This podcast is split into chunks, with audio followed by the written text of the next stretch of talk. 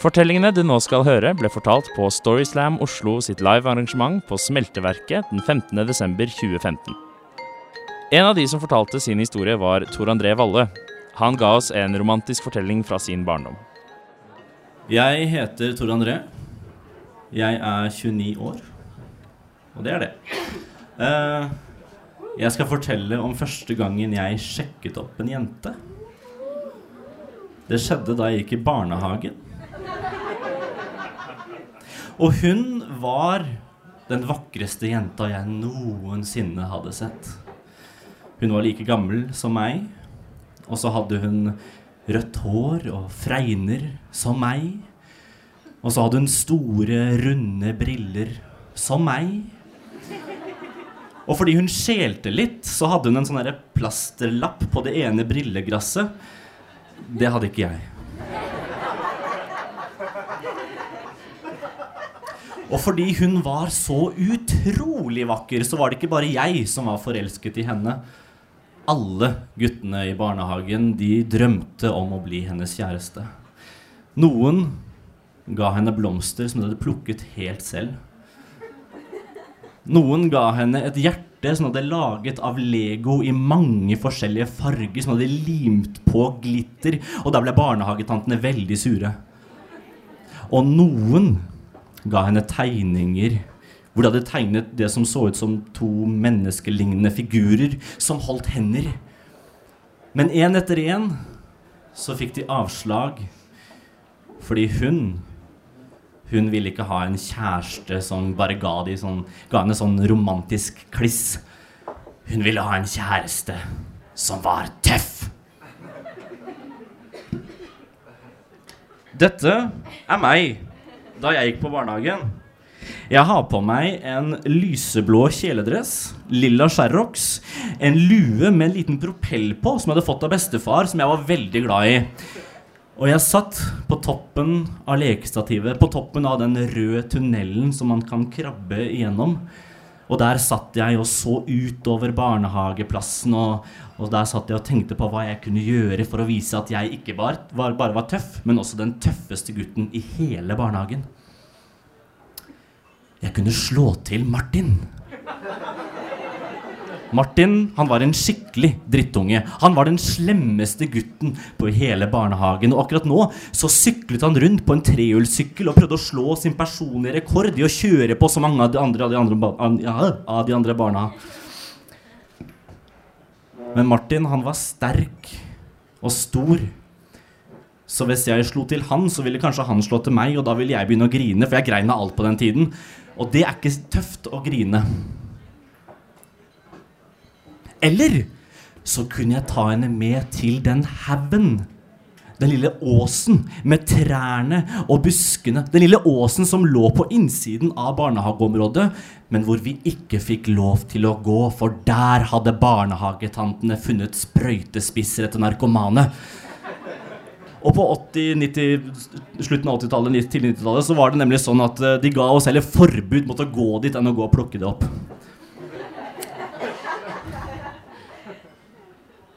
Og det var jo selvfølgelig veldig tøft å gjøre ting som ikke var lov, men jeg var livredd for sprøytespisser. Og det å være livredd, det er ikke spesielt tøft. Eller så kunne jeg Så begynte det å tordne og lyne og regne, og alle barna måtte inn, for det var ikke lov å være ute når det regnet. Og da fikk jeg en genial idé! Jeg kunne få henne, jeg kunne overtale henne til å bli med meg ut! Så når alle barna hadde kommet inn, og vi hadde tatt av oss kjeledressen og sherroxen, jeg hadde tatt av meg lua med propellen som jeg hadde fått av bestefar, som jeg er veldig glad i, og hengt den på kroken, så ventet jeg. Jeg ventet til hun var alene. Og når hun var det, så listet jeg meg bort til henne. Hun satt ved et bord og tegnet en tegning hvor masse figurer ble knivstukket med masse blod. Og så hvisket jeg Skal vi snike oss ut? Hvorfor det? Hvorfor det? Uh, jeg hadde jo ikke planlagt å få et svar tilbake. Uh, vi, jeg, uh, jeg, jeg, må, jeg, vil vise deg noe. Jeg visste ikke hva jeg skulle vise henne, men hun ble med. Vi droppet å ta på oss kjeledressene. Vi tok på oss Xeroxen. Jeg tok på meg lua mi med den lille propellen som jeg var så glad i, som jeg hadde fått av bestefar. Og så listes vi oss ut. Og så spurte hun meg Ja, hvor skal vi? Hvor skal vi? Og jeg visste ikke helt hvor vi skulle, så jeg bare sa Følg. Og av en eller annen grunn så havna vi inni den lille røde tunnelen i lekestativet. Og satte oss ned, og der kunne vi høre regnet som dundra på den, på den harde plasten. Etter hvert så begynte hun å bli utålmodig, og jeg skjønte at jeg måtte, jeg måtte, jeg måtte finne på noe. Så det jeg gjorde, det var at jeg reiste meg opp. Og så tok jeg av meg bukseselene med langbein på. Og så åpnet jeg opp buksen og dro den ned. Og så tok jeg underbuksa og dro den ned. Og det hadde egentlig vært nok, men jeg stoppet ikke der. Jeg satt meg på huk og dreit. Jeg la en god og lang kabel rett foran henne, og hun syntes at det var helt fantastisk!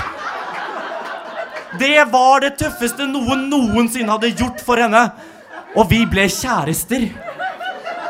Vi konsumerte forholdet ved å gå ut, hente våt sand fra sandkassa som vi dekte over klasa, og vi lagde et lite barn sammen der vi forma dette liten unge. Og så Og så tok vi opp I lyset fra lynet så kunne vi se at bak oss der sto det en, en skikkelse. Det var barnehagetanten, og hun hadde sett alt. Og hun lurte veldig fælt på hvorfor jeg hadde satt meg ned inni det røde røret, bæsja foran de andre barna og lagd et lite barnelignende figur ut av det. Og jeg sa at det var for å være tøff. Barnehagetanta mente at jeg, det, måtte jeg begynne å tørke opp. Og da begynte jeg å grine. Fordi vi hadde jo laget et barn sammen. Og da begynte også hun å grine, så kompromiss ble laget ved at det var barnehagetanten som måtte tørke opp etter oss. Og så kom tidspunktet hvor mine foreldre skulle hente meg. Og jeg var dritnervøs. Og det kunne foreldrene mine se på meg. De skjønte at her var det noe galt. Så de spurte barnehagetanten som sto der sammen med oss, og spurte ja, har det gått, har det gått fint i dag. Barnehagetanten hun så ned på meg. Og så så hun bort på jenta som satt ved bordet og tegna tegninger med masse blodige mennesker, og så sa hun til mine foreldre i dag i dag har det gått veldig bra for Tore André. Og det var sånn jeg sjekket opp jenter for første gang. Neste forteller er Sara Larsson, med en historie om sine høye ambisjoner om å bli skuespiller. Der sto jeg, iført kostyme og rulleskøyter, i åpningsnummeret på Den lille havfruen, og jeg hadde nettopp tryna. Jeg følte meg veldig synlig. Jeg er tre alen lang. 5,9 foot. 70 inches. Jeg er 1008, nei, 1800 millimeter. Ja, 180 centimeter. Jeg er ganske høy. Og for meg så har det alltid vært helt naturlig å være helt høy. Være ganske høy. Og det kan ha noe med oppveksten min. Eh, for i min familie så er jeg og mamma de minste. Så har jeg en eh, pappa på 1,90. Og så har jeg en lillebror som var der. Nå er han også på 1,90. Og så har jeg en storebror på eh, 2,05. Eh, I skostørrelse så har han 52, og han har røde krøller. Så han er egentlig en vandrende Ronald McDonald. Så jeg gjemmer meg alltid litt i skyggen av han når vi går sammen på gata. Eh, og eh, min familie, eh, vi kjører alltid rundt i en hvit karavell. Minibuss. Mens andre må ta og krumme ryggen for å komme inn i bilen, så har vi alltid måttet gå opp et skritt for å sitte i bilen. Og på de årlige villmarksturene til familien Larsson, så, eller på campingplasser, så kommer andre med sånne små, søte telt. Vi kommer med lavvo. Så vi må strekke oss opp for å få satt opp denne lavvoen. Og vi har nok av dansegulv inni den stående. Eh, så jeg skjønner det, hvorfor jeg ikke har følt meg så høy. Det er jo fordi mamma og pappa har tilpasset livet vårt til høyden. Da, mamma, da pappa møtte mamma, så var han en ung fotograf og volleyballspiller. Han vant alltid kampen om de beste bildene, og han var jo den perfekte forsvarsspilleren. Min mor var en regnskapsfører, og hun fikk med seg alt sladderet på kontoret. For hun satt jo med øynene over skilleveggene i kontorlandskapet. Og så har jeg to brødre som begge har bestemt seg for å holde på med film.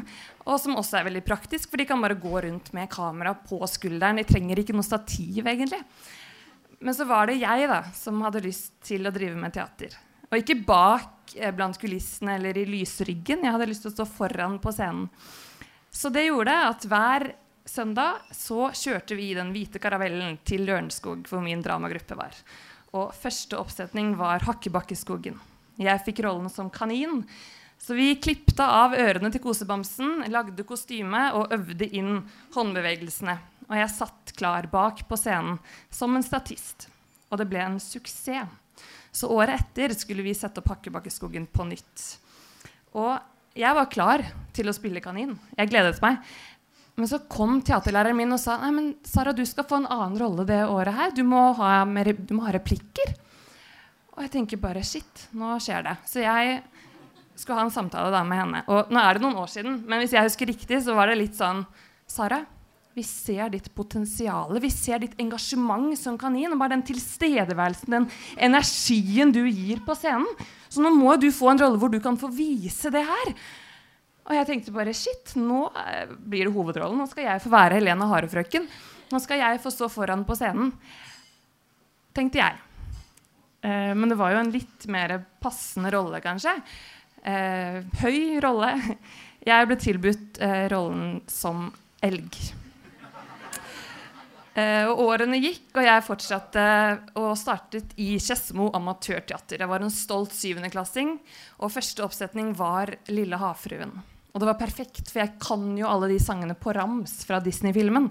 Og jeg var klar til å farge håret rødt for å spille havfrue. Altså Ariel, eller i hvert fall en av de andre syv havfruevennene til Ariel. Um, og vi skulle lage et magisk univers under vann. Og min regissør ville gjøre det virkelig synlig at dette var under vann. Eh, og vi kunne ikke leie et akvarium eller Skjetten svømmehall som lå borti veien. Vi skulle stå på rulleskøyter.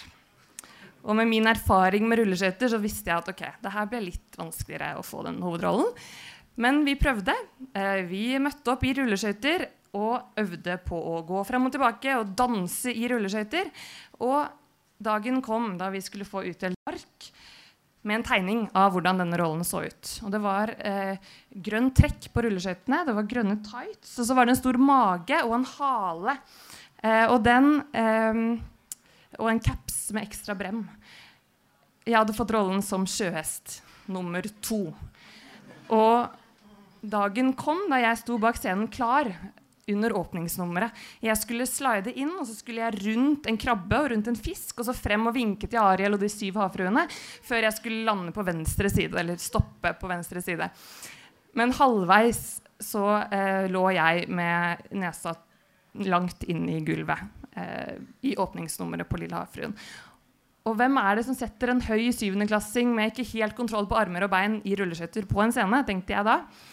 Og så tenkte jeg ok, kanskje vi er ganske høye i familien. Er det derfor ingen vil sitte bak oss på kino? Eller kineserne tar mer bilder av oss enn den kinesiske muren når vi var på ferie i Kina. Eh, jeg tenkte kanskje jeg må finne en annen hobby med litt mer, eh, hvor jeg kan utnytte høyden min. Men jeg fortsatte litt. Jeg begynte på dramalinja på Lillestrøm videregående. Og første oppsetning var 'En midtsommernattsdrøm' av Shakespeare. Og jeg tenkte ok, det blir fint det å, å spille tre liksom bak på scenen. Eller Muren, for den har faktisk en del uh, replikker. Eh, men så kom dramalæreren og eh, ga oss rollene, og jeg skulle få spille Helena. Og da husket jeg det Shakespeare skrev, at hun lot han sammenligne oss på høyden. Og med sin figur, med sin langstrakte figur, har hun betatt ham. Helena, hvis øynene funklet så alle verdens stjerner ble fordunklet. Og etter den dagen så begynte jeg å se det positive med å være høy i uh, teaterverden. Jeg er, har alltid full oversikt over scenen. Jeg er synlig selv om jeg er i ensemblet. Uh, jeg får ikke høydeskrekk når jeg skal opp i lysryggen og fikse lys.